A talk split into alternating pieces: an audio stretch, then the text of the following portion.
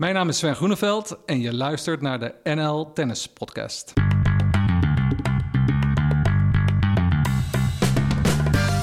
Welkom bij de NL Tennis Podcast, je maandelijkse dosis tennis in deze nog altijd toernooiloze periode. Na alle demonstratiepotjes van de afgelopen maanden lijkt het erop dat het echte werk nu echt dichtbij komt. Spannend. En achter de microfoon ook dit keer Marcella Mesker. Mijn naam is Jan-Willem de Lange. Ja, en dan uh, Jan-Willem toch een beetje reclame voor onszelf. Hè? Want uh, afgelopen maand hebben we naast uh, onze Wimbledon-podcast met Tom Okker en Betty Steuven ook onze eerste video geproduceerd. Was leuk, hè? Ja, ja. En ja, die ging over de legendarische IC Wimbledon Exhibitions uit de 60er jaren. Historische beelden, interviews met onder andere Tom Okker en Robin Hazen. Hartstikke leuk. En ja, mocht je het nog niet gezien hebben, ga dan even naar onze website om de video nog eens te bekijken. Want het was echt de moeite waard. En we hebben aardig wat uh, ja, leuke complimentjes gehad. Dus dat wou ik toch nog wel eventjes zeggen. Ja, echt leuk om, uh, leuk om te kijken, denk ik, voor de liefhebber. Maar vandaag staat geheel in het teken van een heel speciale gast. Iemand die niet zo vaak bij de microfoon zit, maar in deze podcast stapt hij een beetje uit de anonimiteit. Hij neemt alle tijd om zijn licht te laten schijnen op veel facetten van de internationale tenniswereld. Hij maakt een natuurlijk naam met het coachen van absolute wereldtoppers. En wat is nou toch zijn geheim? Waarom vindt hij in Nederland nou niet die waardering die hij in het buitenland wel krijgt? Celes, Piers, Wozniacki, Sharapova, zelfs Roger Federer staat op zijn cv. Kortom, hij is een gewild man. Jullie aandacht voor topcoach, ondernemer, architect Sven Groeneveld. De man die al decennia vooral over de grens te vinden is, tot dit jaar natuurlijk. De pandemie bracht ook Groeneveld naar huis, om het even dramatisch te zeggen. Over naar het interview. Veel plezier met luisteren. Wat is überhaupt thuis voor jou? Wat betekent thuis voor jou? Ja, thuis is eigenlijk uh, op reis zijn. Dat is thuis. Want als je uh, dat zo lang doet, zoals ik het heb gedaan tot nu toe eigenlijk, uh, is thuis eigenlijk het reizen. Maar waar mijn hart is, is natuurlijk bij mijn ouders en bij mijn familie. En die wonen niet hier heel ver vandaan in Vijfhuizen. Dus die bezoek ik altijd en uh, die gaan ook vaak mee op reis. En ik was, um, eergisteren was ik nog in Zandvoort, waar ik ook competitie gespeeld heb. En daar heb ik Paul van Geuns, mijn, een van mijn eerste coaches, heb ik gezien daar. Hadden we nog even een etentje en zat daar met Sander Vergelder, ook een goede tennisser in het verleden. En Hans Smit natuurlijk, dat is Mr. Zandvoort. Wat, en dat is gewoon ja, toch naar, naar, je, naar je roots. En dat is heel fijn. Mis je dat wel eens als je, als je op reis bent? Ja, heel erg. Heel erg eigenlijk wel. Meer nu dat ik wat ouder word. Dit jaar word ik uh, 55. En dan, het lijkt alsof nu een beetje de, de, de, de, tijd stilstaat. En als je eigenlijk alleen maar aan het reizen bent, het is gewoon alsof de tijd gewoon het alleen maar in het nu is. Je bent alleen maar in het nu. Vooral omdat je natuurlijk met tennis bent en je bent met prestaties bezig. Het is alleen maar in het nu zijn. En dat, dat is ook een, een moment waar je natuurlijk als coach continu mee bezig bent. Je moet een speler altijd in het nu houden. En daarom is het gewoon, het is allemaal zo snel gegaan. En uh, ja, 55, ik weet niet waar die tijd gebleven is. Als we naar jou kijken en vanaf de buitenkant, alsof we jou niet kennen... en we gaan eens kijken wat jij op social media doet. Uh, ik kijk bijvoorbeeld op Twitter. Dan zie ik daar een, een mooie hashtag bij jouw naam staan. Hashtag tennisreboot. Hmm. Ik ben heel benieuwd wat daarachter zit. Vertel eens. Ja, Tennis Reboot is eigenlijk uh, gekomen omdat ik zag wat er gebeurde in, uh, in, in, in, in de Adria Tour. Met, uh, en dat daar enorm veel negativiteit over kwam naar, naar Djokovic.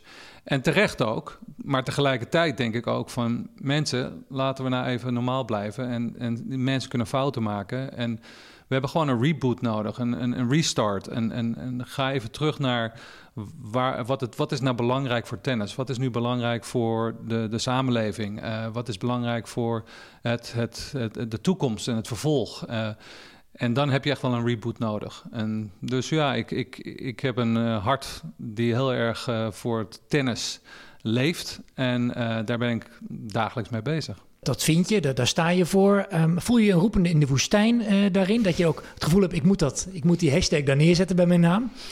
Um, ja, ik heb wel het gevoel dat uh, iedereen... Uh, natuurlijk, toen Roger naar voren kwam en zei dat we WTA en ATP samen moeten voegen kwam natuurlijk wel een vervolg daaraan. Hè, dat Andrea Cadenzi, nu de, de topman bij, bij de ATP Tour, ehm, die dat dan ook oppakt. En dan Steve Simon bij de WTA, die misschien iets voorzichtiger is daarin.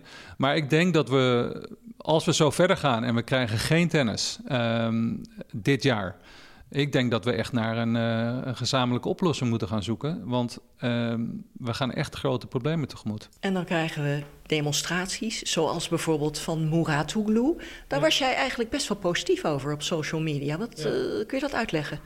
Nou, ik, ik, ik ben sowieso positief over het feit als, als er initiatieven zijn en nieuwe initiatieven zijn die proberen eigenlijk een, een positieve benadering te hebben over, over tennis. En hoe kan je de tennis op een andere manier bekijken. Um, hoe, ga je, hoe vlieg je het aan eigenlijk? Hoe kan je een product als tennis uh, toch nog interessant te maken door nieuwe initiatieven en, en een soort van trial.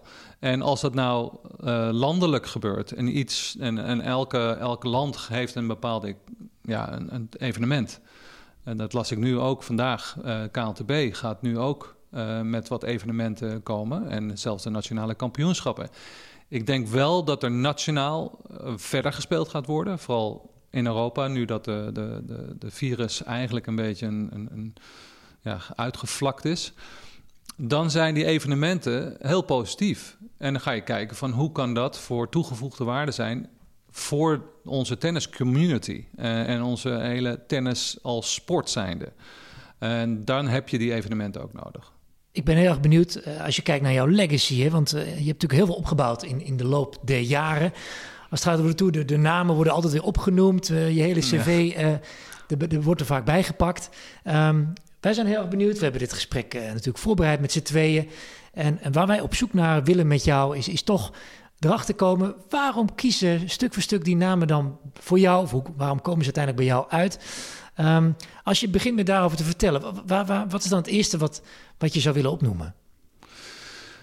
Um, ik denk dat het gaat om. Ten eerste is gewoon enorm dat ik een enorme passie heb om mensen te helpen ook. Uh, dat is gewoon, dat is mijn karakter. Um, ik heb wel gezien dat um, in de loop van de tijd dat ik daar ook een bepaalde kwaliteit in heb. Um, en de kennis van tennis, maar ook de kennis van de mens. En waardoor je breder kijkt. Het is niet alleen maar tennis, het is de ontwikkeling van de persoon. Uh, als je de persoon uh, beter leert kennen, uh, dan is een speler eigenlijk veel makkelijker te coachen. Waardoor ik ook zoek naar een bepaalde band met een speler. Die, um, die, die verder gaat dan alleen maar op de baan in zoverre dat je echt een goede, sterke communicatie kan opbouwen met iemand. En als je dat doet, uh, wek je vertrouwen. En dat vertrouwen is het belangrijkste tussen speler en coach. Mm. En als je dat vertelt, denk ik, ja, uh, nogal wie dus bijna. Ja. Uh, flauw gezegd, hè? Uh, maar kennelijk zit daar toch nog een laagje bij bij jou... wat jou exceptioneel maakt. hoe zie je dat zelf? Nou, ik kan mezelf heel goed wegcijferen. Um, het, het, gaat zeker niet om mij. het gaat zeker om de speler. Um, en ik denk ook dat ze dat voelen. Um, het is wel zo dat wij als je gaat kijken naar de definitie van een coach, um, worden wij vaak uh, en zijn wij geneigd om een, een, een, rol te nemen in het geven van informatie en het delen van informatie, maar ook een soort van leidende functie te hebben. Waardoor je eigenlijk meteen um, vaak uh, de neiging hebt om, om je belangrijker te maken dan je eigenlijk bent. Je bent vervangbaar.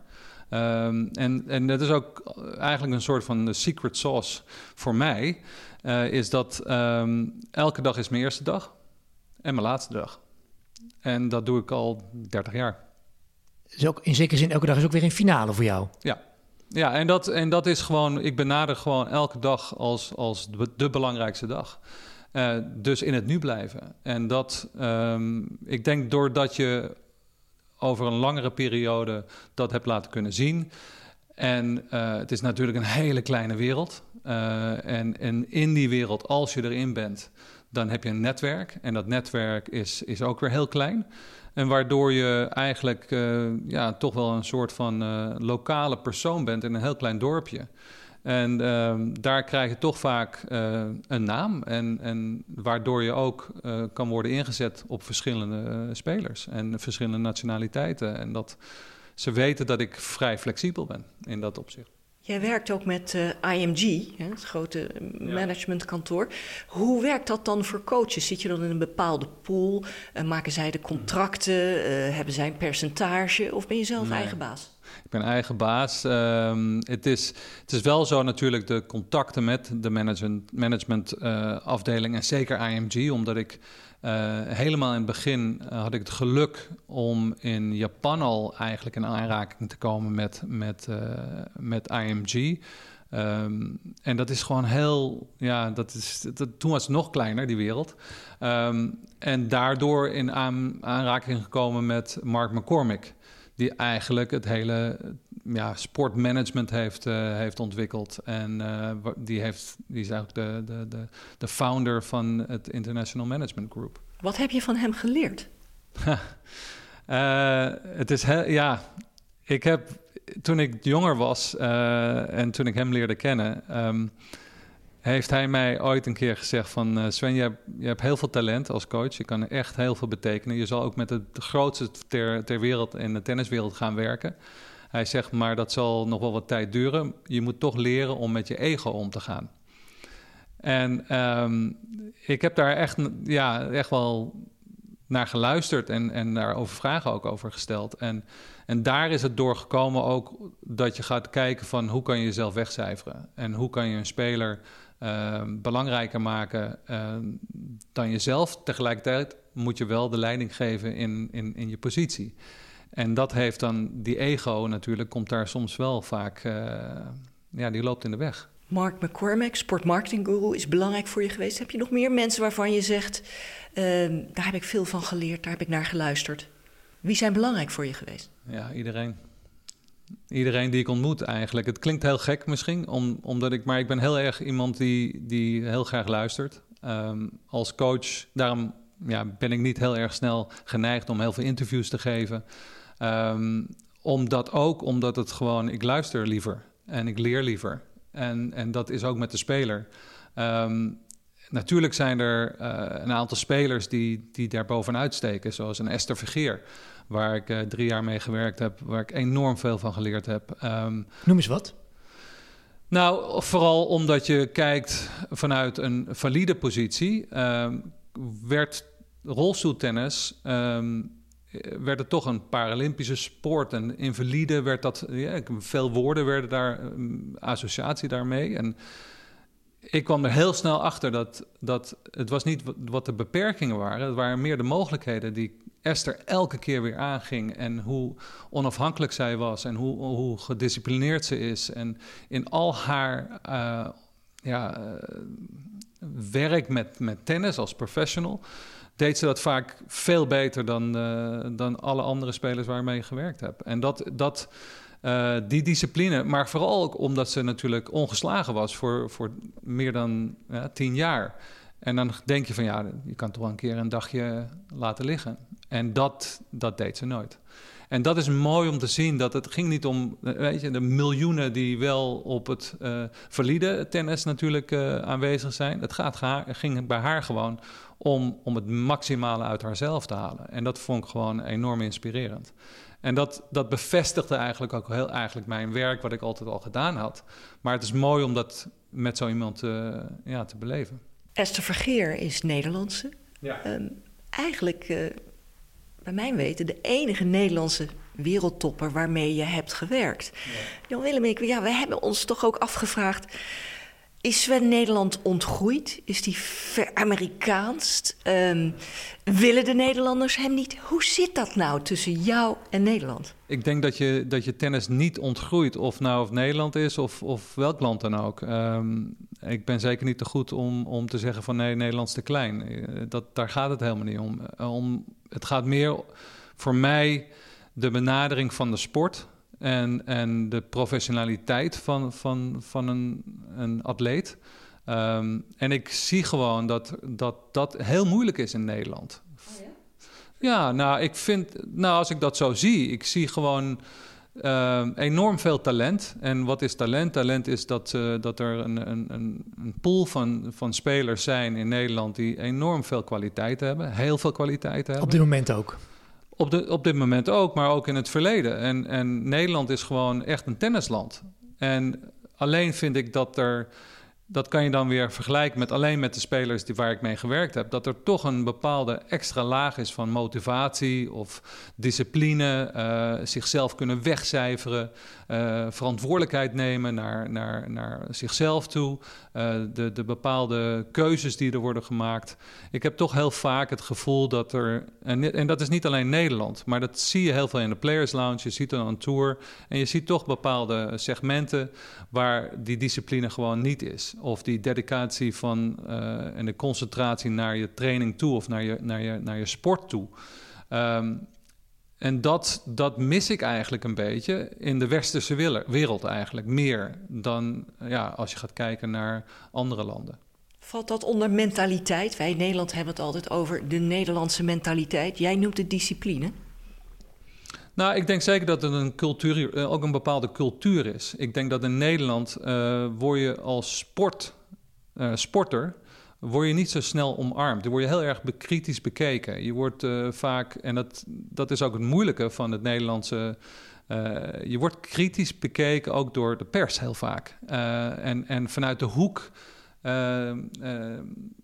een soort van met een kritisch oog. In plaats van als je kijkt naar andere landen die heel erg positief alles benaderen. En dat zijn, ja, of het nou Duitsland is, of het nou uh, Spanje is, ze, bouwen hun spelers op, als het ware. En in Nederland heb je toch meer zo van, ja, we willen wel, we, zijn, willen succes, we, we zijn goede sporters, we, maar het wordt niet in onze cultuur omarmd. En dat zie je al met het schoolsysteem ik hoop eigenlijk dat nu door de corona-situatie... dat je toch online kan laten zien dat je opleiding kan doen. Ik hoop dat voor de Nederlandse sport in de hele breedte... dat daar veel meer aandacht wordt aan besteed dat het online kan. Dat de sporters echt veel meer, als ze op het wereldniveau willen sporten... en concurreren met de allerbeste, moet het, ja, het schoolelement moet online gaan klinkt tegelijkertijd ook als eh, de, de mooiste uitdaging die er is voor jou. Om daar iets in te betekenen, om, dat misschien, om daar een steentje aan bij te dragen. Misschien op een eerdere, op een eerdere leeftijd, jongere leeftijd, dat je daar nog eh, aan kunt meesturen. Als ik jou zo hoor praten, denk ik, wauw, je kunt aan de ene kant kijken, je mist iets. Maar dan is dat juist misschien een mooie oproep voor jou. Ja, ik denk dat de oproep is niet naar mij toe. Het is een oproep naar, naar, uh, naar iedereen eigenlijk in, in, Nederland. Um, en vooral in de tenniswereld. We, we zijn niet meer een groeiende sport. We moeten een gezonde sport zijn in plaats van een groeiende sport. En dan ga je een gezonde sport maken, moet die vijver gewoon enorm goed zijn. Moet, moet, moet gezond zijn. Uh, moet nieuwe aanwas komen.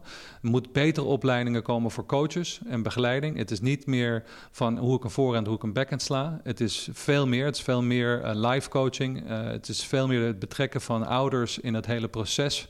Wat het betekent om een tennisser te zijn. En ook natuurlijk het traject wat je aangaat. Dat kan, moet je veel meer kunnen gaan uh, vastleggen. Door eigenlijk um, vanaf een jongere leeftijd ook te laten zien dat er tennis heeft veel meer mogelijkheden dan alleen maar I make it, ik maak het of ik haal het niet. En dat is eigenlijk uh, heel vaak een topsport ook. Je, haalt het of haalt het niet. Nee, je krijgt eigenlijk een hele opleiding. Als je voor een topsport kiest en je gaat een, een, een, opleiding in topsport aan... of je wil professionele uh, gaan sporten... dat is een onderdeel van een, een, carrière die je aangaat, van een levensstijl. En, en, en als entrepreneur weet je gewoon, ondernemer zijn... je moet investeren... En, en daar gaat het om in een langetermijnvisie. Um, en natuurlijk, ik, ik heb ook al een aantal gesprekken gehad met, met Jacco. En, Jacco um, Elting. Ja, Jacco Elting. En, en um, ik, ik heb al... Aan, ja, kort geleden. Ja, ja. En, en die staan open voor mij om uh, mijn kennis te delen.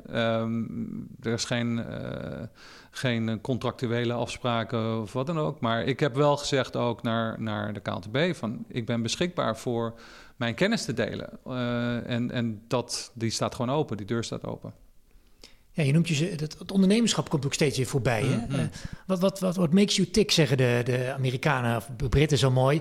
Um, wat is het bij jou? Want is tennis voor jou ook een, een vehikel voor je leven? Is het ondernemerschap een vehikel?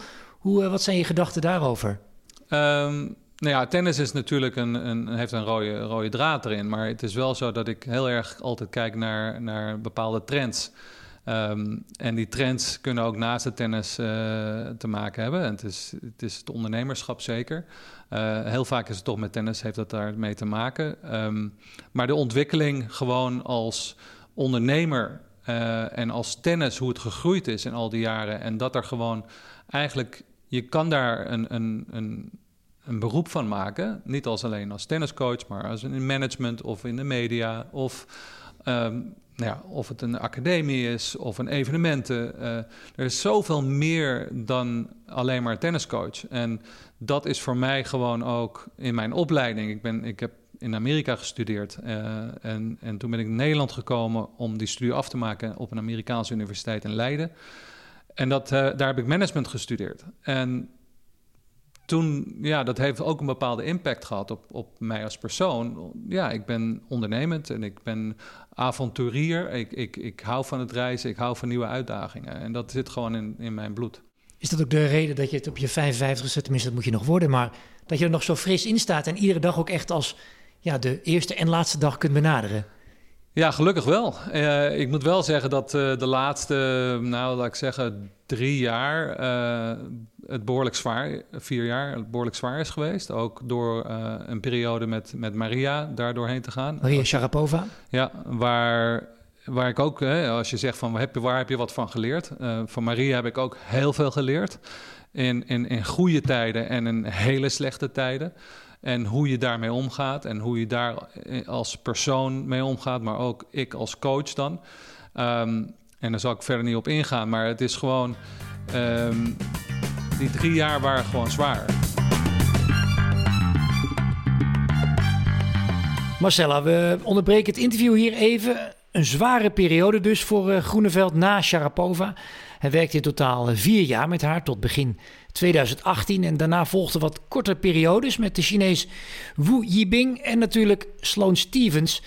En op dit moment is het eh, de Japanner Taro Daniel die op Groeneveld leunt. En met die samenwerking is de cirkel weer een klein beetje rond voor Groeneveld, toch eh, Marcella? Ja, want als tenniscoach is het eh, voor Sven allemaal begonnen in Japan. Hij startte daar gewoon als tennisleraar bij een uh, academie, tennisacademie. Ja, en toen kwam daar een WTA-toernooi. En toen zocht destijds de wereldtopper Monica Seles een hittingpartner. Nou, dat werd Sven. Die kon toevallig even wat tijd vrijmaken.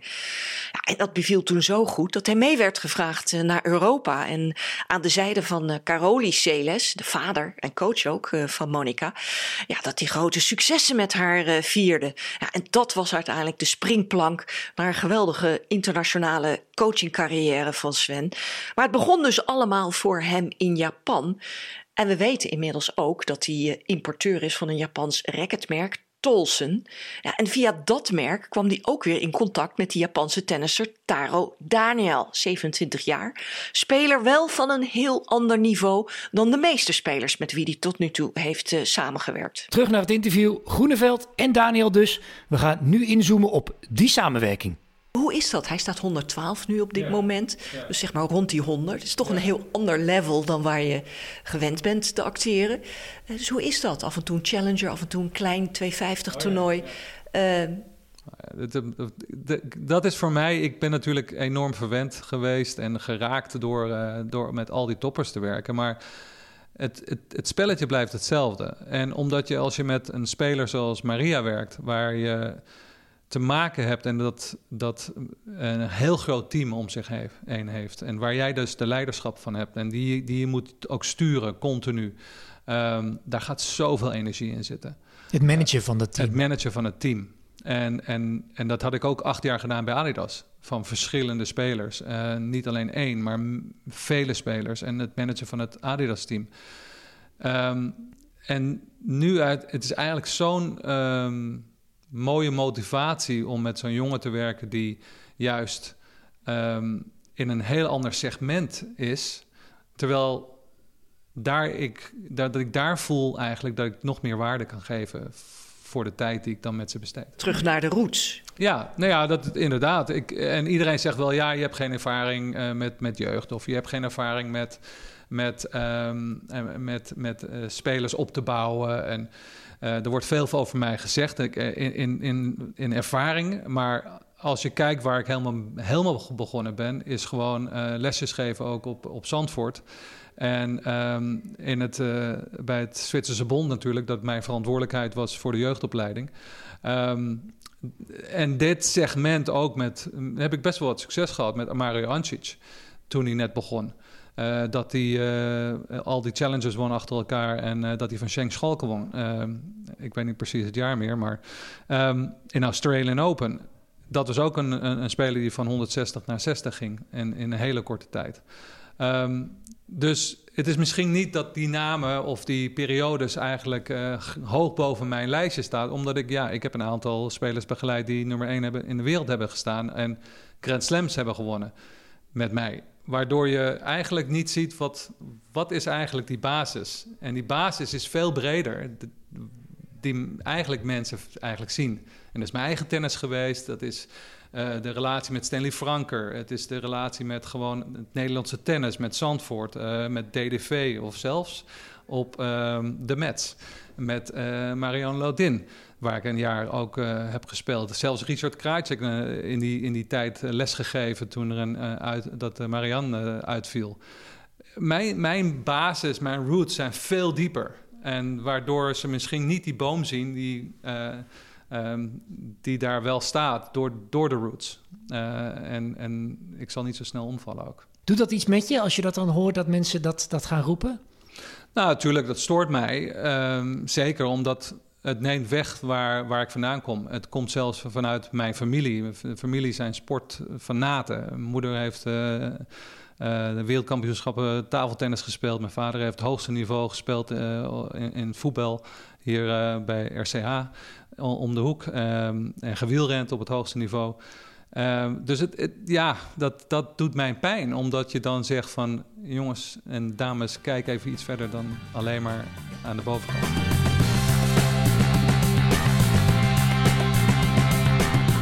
Ja, we breken even uit het gesprek. We hoorden Groeneveld over zijn imago in Nederland. Hij zegt het zelf. Eh, Groeneveld is stevig geworteld, maar zeker niet ongevoelig voor wat er over hem gezegd wordt. Hoe luister jij hiernaar, eh, Marcella?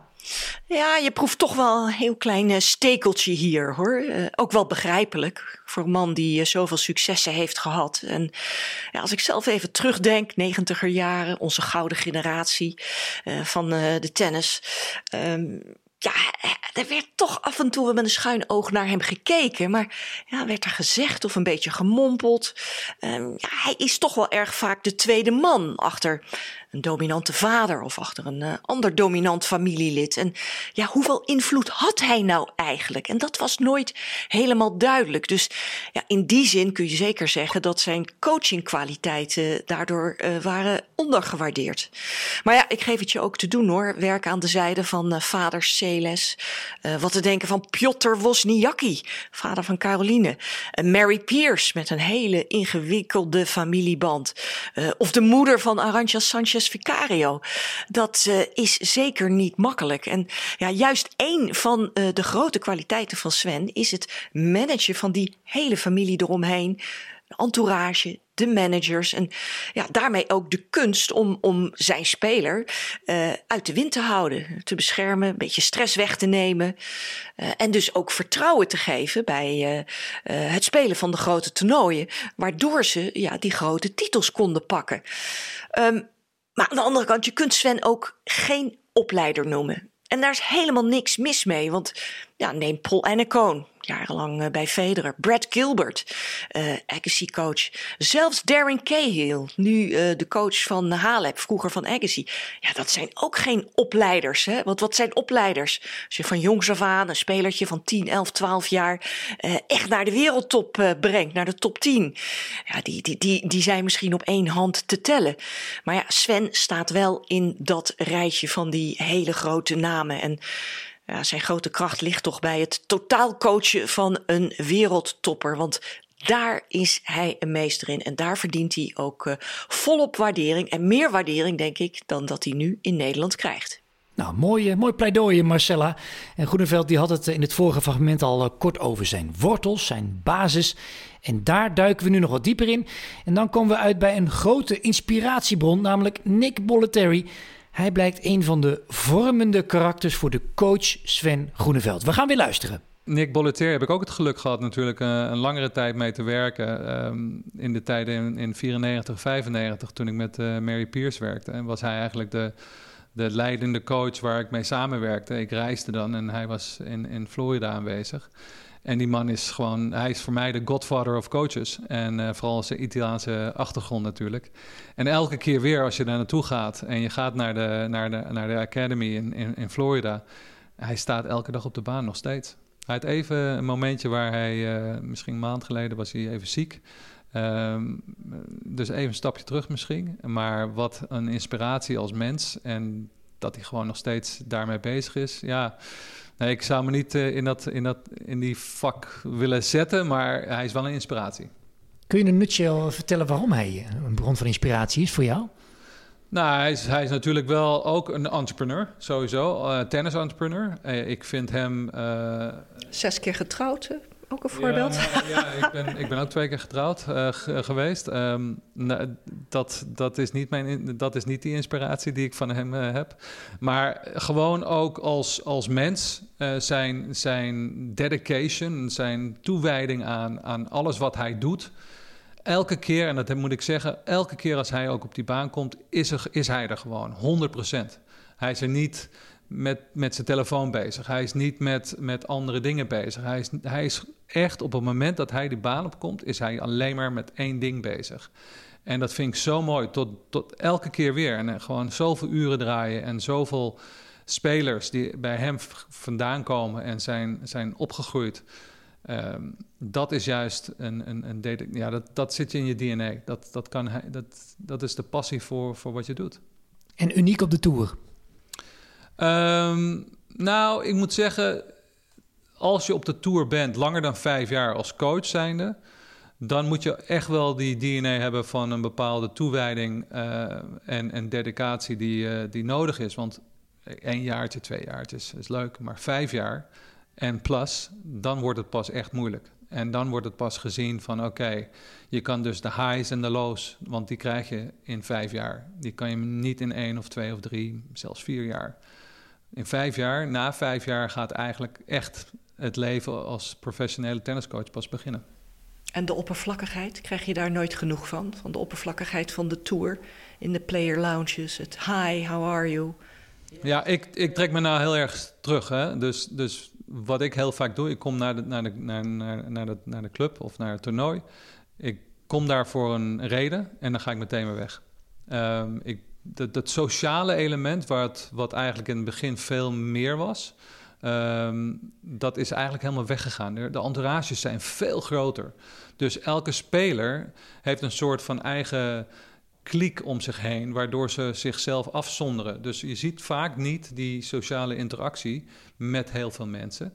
Uh, en dan wordt het heel oppervlakkig, omdat er zoveel meer mensen zijn. Als je kijkt naar de negentiger jaren, had je, had je een players lounge die niet uh, heel druk was en niet heel groot. Als je nu kijkt waar, als je gaat vragen aan alle toernooien, wat zijn je grootste investeringen geweest? zou je ze zeggen, ja, die players lounges en, en het verzorgen van, van het eten en het, transport en de hotels. Het, is waanzinnig hoe groot geworden dat is. En daarom ook dat die Djokovic helemaal gek werd toen ze zeiden, je mag maar één persoon meenemen naar het toernooi. Nou ja, Marcella, toen jij speelde, ja, wat één... nou ja, ja, wij deelden één coach met z'n drieën of vieren. Ja, precies. Dus dat, dat komt veel meer oppervlakkigheid bij, maar dan trek ik mezelf terug. Ik uh, doe mijn eigen ding. Wat zal de impact zijn uh, van deze zeg maar zes maanden standstill van uh, de tennissport, de tennisindustrie? Wat heeft dat volgend jaar, ongeacht of we gaan spelen dit jaar, voor gevolgen? Ja, grote, grote gevolgen. Ik denk wel dat in de breedte dat er meer mensen gaan tennissen, omdat eigenlijk de afstand, hè, tennis is een mooie sport om eigenlijk te spelen, omdat je niet in, in aanraking komt met heel veel, heel veel mensen. Uh, ik denk juist dat er een enorme mogelijkheid is voor bonden zoals de KNTB en andere nationale bonden om dat sport te doen laten groeien. Uh, maar op het hoogste niveau, er zullen heel veel spelers in de top 1000. Ik denk dat er zo 200 uh, spelers wegvallen. Gewoon economische reden, misschien wel meer. Uh, gewoon door de inkomsten die ze niet meer kunnen genereren. Ik denk dat we een aantal, aantal merken gaan verliezen ook. Misschien niet aan de top, hè. Nike, Adidas, uh, waar het ook, die, gaan niet, die gaan niet kapot. Maar er zijn een aantal merken die het ook zwaarder gaan krijgen. Um, het gaat een impact hebben direct en indirect op onze industrie als coaches zijnde. Ook uh, als je niet zelf een beetje, ja, dus de entrepreneur bent, om ook een vangnet op te bouwen, dan heb je ook weer grote problemen. En dan moet je misschien zeggen van oké, ik, ik moet nationaal iets gaan doen. En de spelers zullen weer in teams gaan reizen, denk ik. Ik denk wel dat ze ook naar een coach gaan delen, een aantal spelers, omdat ze gewoon niet ja, niet meer de coach die zegt van ja, ik kan het nog wel doen, maar ja, de economische uh, waarde van mij is niet veranderd. Maar ik weet dat de, de, inkomsten misschien wel 40 tot 50 procent verminderen. Prijzen geld. Prijzen geld en, en, en inkomsten daarbuiten. Het gaat de komende drie tot vijf jaar zeker een impact hebben. we zetten de band even stil, want we komen nu aan bij het hart van Sven Groeneveld. Tenminste, datgene waar hij zich druk, of misschien wel beter gezegd, boos over maakt. Ik heb het over de status van het beroep tenniscoach. Wat is er geregeld op het gebied van licenties en opleiding? Of moet ik zeggen, wat is er niet geregeld? Nou, Groeneveld die heeft er een uitgesproken gedachte, een uitgesproken mening over. Luister maar. WTA en ATP zijn begonnen als uh, bonden voor spelers. Die zijn eigenlijk omgegroeid naar een 50-50 uh, toernooien en spelers. Maar de spelers moeten eigenlijk onafhankelijke adviseurs gaan krijgen. Uh, of een vertegenwoordig, uh, vertegenwoordiging krijgen naar de ATP en de WTA toe. Want uh, ze worden enorm misbruikt in hun, in hun capaciteit als, als speler. Maar daar zijn ze niet bewust van, omdat ze niet die kennis hebben. En dat geldt, dat geldt ook voor de coach. Maar er zijn geen structuren daarvoor Waardoor je bijvoorbeeld een pensioen kan opbouwen. Er zijn geen verzekeringen. Je, je, je, je moet je eigen, je moet je eigen zelf uh, product eigenlijk gaan creëren. En er is geen pathway. Er is ook geen begeleiding voor coaches. Ik vind namelijk dat de WTA en de ATP daar ook voor moeten zorgen, omdat het een onderdeel is van hun product. Het is een verlenging van hun product. En als zij coaches gaan opleiden met een visie. En dat, ze doen het steeds meer. Hè. Er komen er steeds meer nu al eh, vanuit de ATP en de WTA dat ze um, opleidingen aanbieden. Ze bieden het aan. Dus je krijgt uh, toegang tot universiteiten, uh, cursussen. Maar er is nog niet een verplichting. En die verplichting denk ik dat nodig is. Hetzelfde dat er een verplichting nodig is voor managers. Als jij manager bent op de tour van tennis, moet je een licentie hebben. Bestaat niet. Als coach vind ik dat je een licentie moet hebben. Gewoon, al is het maar gewoon om je, uh, je speler te beschermen. En dat is eigenlijk wat ik, daar waar ik naartoe wil. Dat is mijn uiteindelijk ultieme doel. Dat het beroep professionele tenniscoach echt een beroep wordt en is. En serieus genomen wordt. Ja, en nou ja, serieus genomen wordt. Uh, daardoor moet je een structuur gaan creëren. Daardoor moet je een, een opleiding gaan creëren die specifiek voor die coaches. En dat kan je en, en, en hetzelfde als in Nederland. Uh, een tennisleraar moeten, moeten toch hun punten halen om hun licentie te behouden. Nou, als dat hier moet, op een, op een amateur, dus clubniveau, dan begrijp ik niet dat op het hoogste niveau dat dat niet gebeurt. En dat is schandalig. Dat maakt mij eigenlijk heel erg kwaad. En uh, je, het kwam net al heel, heel kort voorbij. Het onkort coachen, daar maak je duidelijk ook druk over. Ja. Uh, hoe dat gaat, hoe dat eraan toe gaat en hoe daarin coaches ook worden begeleid. Ja. Uh, kun je daar iets meer over zeggen? Nou, die worden niet begeleid. Dus je bent eigenlijk. ik was altijd tegen de onkort coach van het WTA. Waarom? Omdat je meestal. 90% van de tijd, of misschien wel meer, 99% van de tijd, is een, is een man die op de baan komt als een speler een vrouwelijke speler in een, in een meestal negatieve spiraal zit. Dus meestal zijn ze aan het verliezen, dus ze zijn ook niet erg toegankelijk. En dan krijg je situaties die uh, een, een man een vrouw gaat zeggen wat ze moet doen. En dat vind ik gewoon ja, dat vind ik gewoon niet slecht. Dat vind ik niet goed. Dat vind ik slecht voor de sport. Ik vind het slecht omdat de speler veel meer waarde heeft eigenlijk. En dat moet je beschermen. Je moet je speler, en dat doet de WTA niet, ze beschermen die speler niet. Um, terwijl ze eigenlijk dat moment, dus zo, zo van toegevoegde waarde voor de sport, zou eigenlijk begeleid moeten worden. En ik denk, het moet komen dat Of het nou on-court coaching is of off-court coaching, wat nu ook op de Grand Slams al gebeurt, dat de coach vanuit de tribune mag coachen.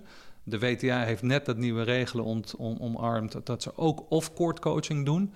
Dat betekent dus dat als ze aan de kant van de, van de coach zijn, mag de coach met de speler spreken. Als ze aan de andere kant staan, mogen ze signalen geven. Uh, dat is dat off-court coaching. Ik zou niet verbaasd zijn als we dit jaar al op de US Open off-court coaching gaan zien. Alleen maar om het van toegevoegde waarde naar de tv-audience te brengen. Op zich sta je wel achter het principe van coachen tijdens een wedstrijd. Je zit niet bij de school die zegt: een speler, als hij een wedstrijd speelt, moet hij het zelf maar oplossen. Ja, ik, ik denk dat we nu... Kijk, net zoals eh, Patrick Martaglu, die zegt dat het moet komen en het gaat komen. Het gaat ook komen. Het is alleen wanneer. En wanneer gaat het komen? Want, en op welke manier? En Met op een welke headset? manier? Ja, dat is de vraag. Je ziet ook bijvoorbeeld nu dat toch... Um, de spelers tijdens de, de wissel van, van, van helft... dat ze met de, met de announcers aan het praten zijn. Ik denk dat dat nog meer waarde heeft dan een coach dat voor, voor het publiek. Dat je de kans krijgt om, om zo'n speler te horen spreken... terwijl die net een break achter staat in, uh, in, in een derde set. Hoeveel, hoe waardevol is dat? Ik denk dat nog meer waarde heeft dan een coach toevoegen. Zijn er nog andere ontwikkelingen waar jij groot voorstander van bent? Wordt ook van alles voorgesteld, afstand van, van de tweede service of de net service. Weet je, de warming-up eruit gooien. Ben je daar uitgesproken over? Ja, ik, ik, je kan de warming-up tot helemaal uitgooien voor mij. Maar dat betekent wel dat je heel erg moet gaan werken. Dat heb ik ook altijd. Het is weer de bescherming van de speler. Heel vaak is het nu, de spelers zijn niet beschermd omdat ze worden geacht klaar te staan om die baan op te gaan. Meteen als er een wedstrijd klaar is. Die hebben eigenlijk heel vaak niet de tijd. Omdat je ook vaak hebt dat je misschien toch een derde set uh, in de derde set gaat. Je weet je starttijd niet. Dus ik denk dat je daar heel naar een heel mooi systeem kan gaan. Waar je toegang hebt als media tot die speler. Uh, in zijn warm-up area. Dat een soort van uh, open area waar, waar iedereen toegang tot heeft, camera's. En dat gebeurt al in Australian Open. En daar zie je al dat spelers weten: oké, okay, de camera's zijn er, ik kan mijn warm-up doen. Ik kan een balletje slaan desnoods als dat gaat uh, komen. En ik, werk, ik loop de baan op en ik ga spelen. Dat moet kunnen. Ik denk voor de tv is dat heel belangrijk, omdat je dan van toegevoegde waarde bent voor zo'n sport. Want dan kan je echt schakelen van: oké, die speler is nu aan het opwarmen, de, de einde van de wedstrijd. Oké, okay, boom, klaar. En meteen door. Um, en dat is weer die toegang die de media niet krijgt tot spelers in tennis. En de media is, en wat ik ook gehoord heb, dat geen toegang voor media in de US Open. De grootste belachelijke uh, uh, keuze die ze gemaakt hebben. En dat ik, hoop, ik hoop dat ze dat veranderen. Omdat ze zichzelf daarmee in de voet schieten. Ja, zeker. Ja. ja. Volgens mij hebben we bijna alles gehad. Uh, maar wij uh, eindigen altijd of je nog een, uh, een, boodschap wil meegeven aan tennisliefhebbers, aan onze luisteraars, aan toptalenten, aan Nederland. Boodschap, ja, blijf tennissen zou ik zeggen. En uh, ja, zoek ook andere sporten op die eigenlijk een verlenging zijn van tennis. En ik weet dat padel natuurlijk enorm aan het groeien is. maar uiteindelijk is, het, is, is de balsport tennis op zich al genoeg. Maar uh, een verlenging van tennis is altijd goed. En voor jezelf nog een wens voor, voor, voor de carrière die nu nog voor je ligt? Want als ik jou hoor, dan zit er misschien nog wel heel wat jaartjes in, à la, à la Nick uit Amerika. Uh, heb je een eigen wishlist voor jezelf? Um, nou ja, heel graag zelfs. Ik, uh, ik, er staan nog een aantal dingen open. Ik wil heel graag toch nog uh, op mijn lijstje een Wimbledon winnen met een speler en een US Open. Um, halve finale wel uh, met Wimbledon en een, en een finale met, met de US Open. Maar dat, dat is, staat nog wel op het lijstje. Um, en ja, tegelijkertijd um, hoop ik gewoon dat ik, in, in, dat ik van meerwaarde kan zijn voor, uh, voor tennis in de breedte. En als ik jouw plakboek erbij pak van de reis die je tot nu toe hebt gemaakt... en je mag één ding eruit pikken, wat zet je op pagina 1? Wat, wat is het, het avontuur dat voor jou eruit springt... van alle avonturen die je tot nu toe in je rugzak hebt zitten? Uh, met mijn ouders naar Colombia toen zij daar naartoe verhuisden. En waar eigenlijk een uh, internationale tenniscarrière is, is geboren. Dat staat er helemaal bovenaan. Ja, dan ben ik toch weer benieuwd. Ik wilde gaan afronden, maar hoe, hoe is dat precies gegaan? En, en over welke periode hebben we het, Sven? Want het is misschien wel aardig om heel even kort te bespreken. Ja, dat is in 1983. toen mijn ouders besloten om, om naar Colombia, Zuid-Amerika te verhuizen. mijn vader kreeg een opdracht om daar Ehm, te, hij, hij, zit in de watervoorziening. hier in Nederland natuurlijk een, grondboringen maken. Um, en daar voor de plantages van suikerplantages. Er waren een aantal Nederlanders daar.